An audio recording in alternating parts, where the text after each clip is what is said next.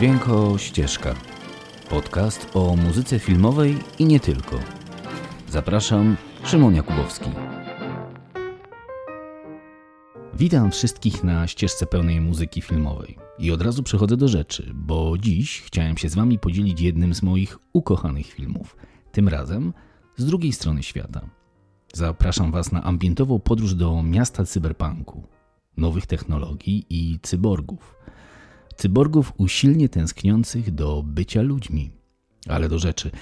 Dzisiaj porozmawiajmy troszkę o filmie Ghost in the Shell z 1995 roku w reżyserii Mamuro Oshii, do którego filmu to muzykę skomponował Kenji Kawai. Ostatnio na ekranach pojawiła się wersja filmu ze Scarlett Johansson w roli głównej w reżyserii Ruperta Sandersa.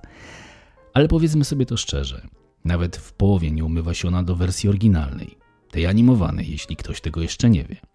Tej, która po premierze przedefiniowała myślenie o maszynach, które nagle zapragnęły czuć. Dosyć gadania. Posłuchajmy tematu otwierającego z filmu, który pojawia się w czołówce tej japońskiej mangi. Tej mangi. Tej właśnie, która bezpośrednio wpłynęła i zainspirowała wtedy jeszcze braci Wachowskich do ich kultowej serii filmu Matrix. Ghost in the Shell i Making of Cyborg.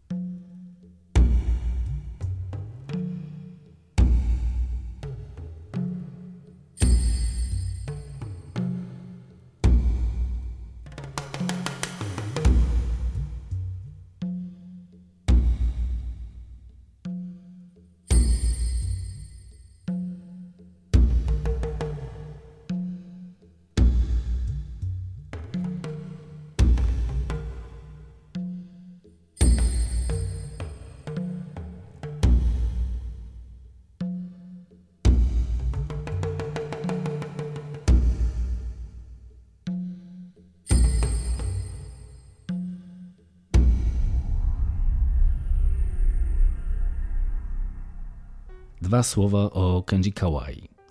To dosyć nieznany kompozytor w Europie czy Stanach Zjednoczonych, ale to jest mega gwiazda w Japonii. Napisał on muzykę do dwóch części mangi, o której dzisiaj mówię. Jest autorem kompozycji do popularnych horrorów serii Ring, jak i do wielu gier komputerowych.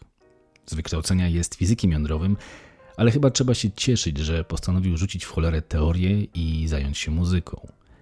Osobiście uwielbiam te jego ambientowe brzmienia, eksperymentalną elektronikę, a przede wszystkim to połączenie jej z japońskimi chórami śpiewającymi fragmenty modlitwy Shinto, czy wykorzystanie tradycyjnych japońskich instrumentów perkusyjnych i połączenie je z tymi ambientowymi, cudownymi brzmieniami. Zanim posłuchamy kolejnego utworu z tej genialnej płyty, jeszcze ciekawostka. Kenji Kawai i Mamuro Oshi byli w Polsce i całkiem dobrze się tu odnaleźli. A dowodem na to jest film z Małgorzatą Foremniak w roli głównej, który panowie w całości zrobili właśnie u nas. Niemożliwe? A jednak. I kto nie zna, warto rzucić okiem. To film pod tytułem Avalon, a całość ma charakter smutnego, PRL-owskiego cyberpunku. Coś kompletnie nowego, innego i zaskakującego, patrząc na to, czym obecnie pani Foremniak się zajmuje. Serdecznie polecam, zobaczcie koniecznie, bo to dzieło unikatowe w skali światowej. Ale wróćmy do naszego ducha zamkniętego w maszynie i posłuchajmy specjalności Kenji Kawai, czyli brzmień łączących ze sobą współczesną elektronikę i tradycyjne japońskie instrumenty. Przenieśmy się w świat cyberpunku, czyli jakby nie było w taką już wcale nieodległą przyszłość.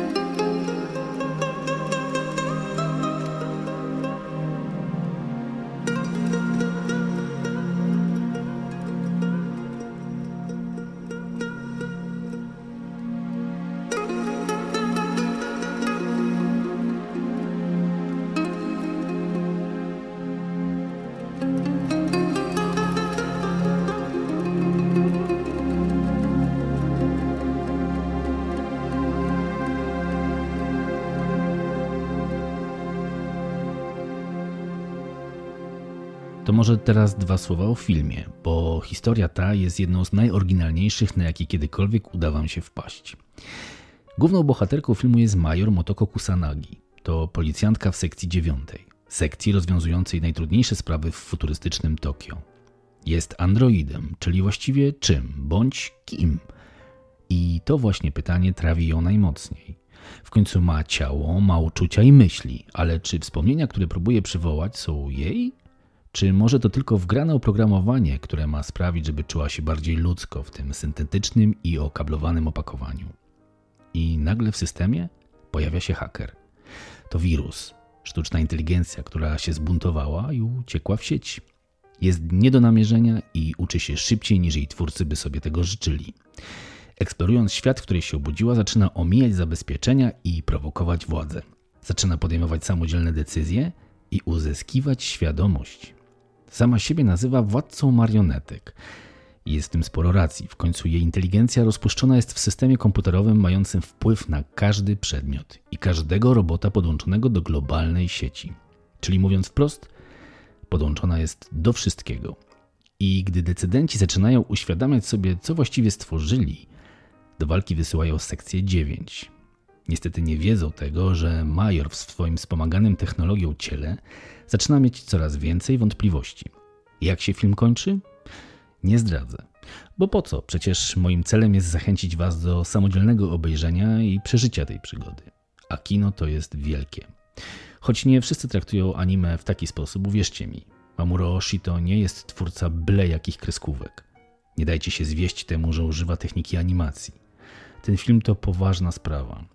Ten film to ponadczasowe pytanie o tożsamość człowieka, o to, kim jesteśmy i co tu właściwie robimy.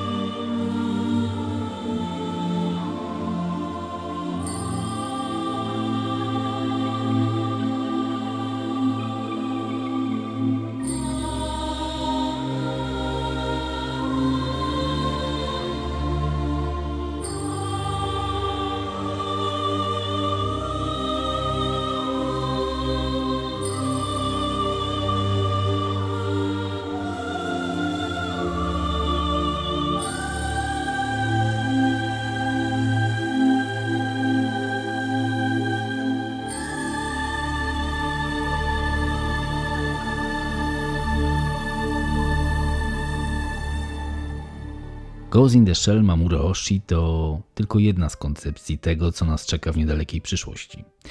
Ale choć minęło prawie 25 lat, ten film jest ciągle bardziej aktualny niż amerykańskie produkcje z ostatnich paru miesięcy. Pomyślcie o tym w wolnej chwili i posłuchajcie muzyki ze mną, bo na razie piszą jeszcze ludzie, ale pewnie jak wszystko w naszym życiu, niebawem i to rozmienimy na drobne. Zatem kończąc takim optymistycznym akcentem, zostawiam Was na koniec jeszcze raz z Kenji Kawai i jego mroczną wizją świata, gdzie roboty marzą o byciu ludźmi, a ludzie spędzają każdą swoją wolną chwilę podłączając się do sieci. Od przyszłość. Ale czy na pewno taka odległa? To tyle na dziś. Jeśli lubicie filmy i kochacie soundtracki, szukajmy się w sieci. Tymczasem i do następnego. Jeśli do tego czasu roboty nie przejmą świata i ostatecznie się z nami nie rozprawią. Czołem.